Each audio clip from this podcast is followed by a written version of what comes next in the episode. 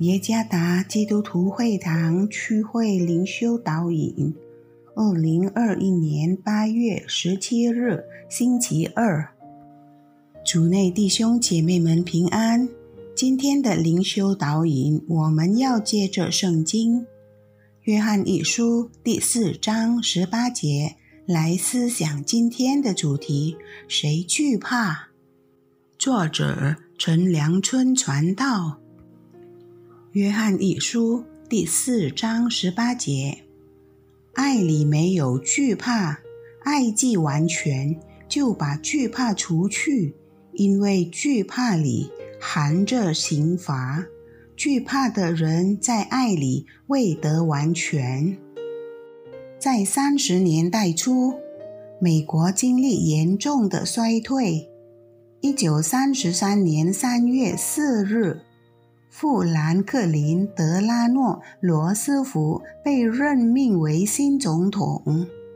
在他的国民无奈的情况下，罗斯福总统在演讲中说：“我们唯一需要害怕的就是恐惧本身的感觉。”那句话唤醒了这些摇动的国民的精神和勇气。重新崛起，迎接更美好的未来。上帝的话语教导说，除去惧怕的其中一个方法是透过爱。十八节，爱是上帝的性格。若我们与上帝有亲密的关系，那么上帝的那个性格就会流动在我们里面。我们透过给予他人爱来彰显上帝的爱，例如帮助需要帮助的人。上帝的爱将改变我们看待彼此的方式。没有上帝的爱，我们只会把彼此视为敌人。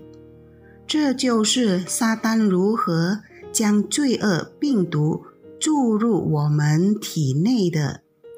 相反的，如果我们与基督联合，拥有上帝的爱，那么我们就会把彼此视为上帝的形象和样式，就是我们应该全心全意的珍惜和爱护的。那我们呢？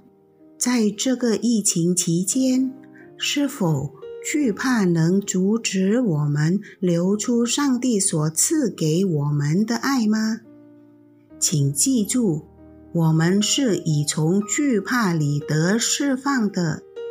我们不要专注于惧怕，但要透过关注我们周围共同抗击新冠肺炎的人来赶走惧怕。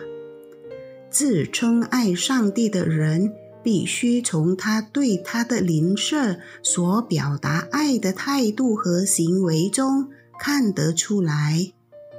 上帝的爱是除去惧怕的爱。主耶稣赐福。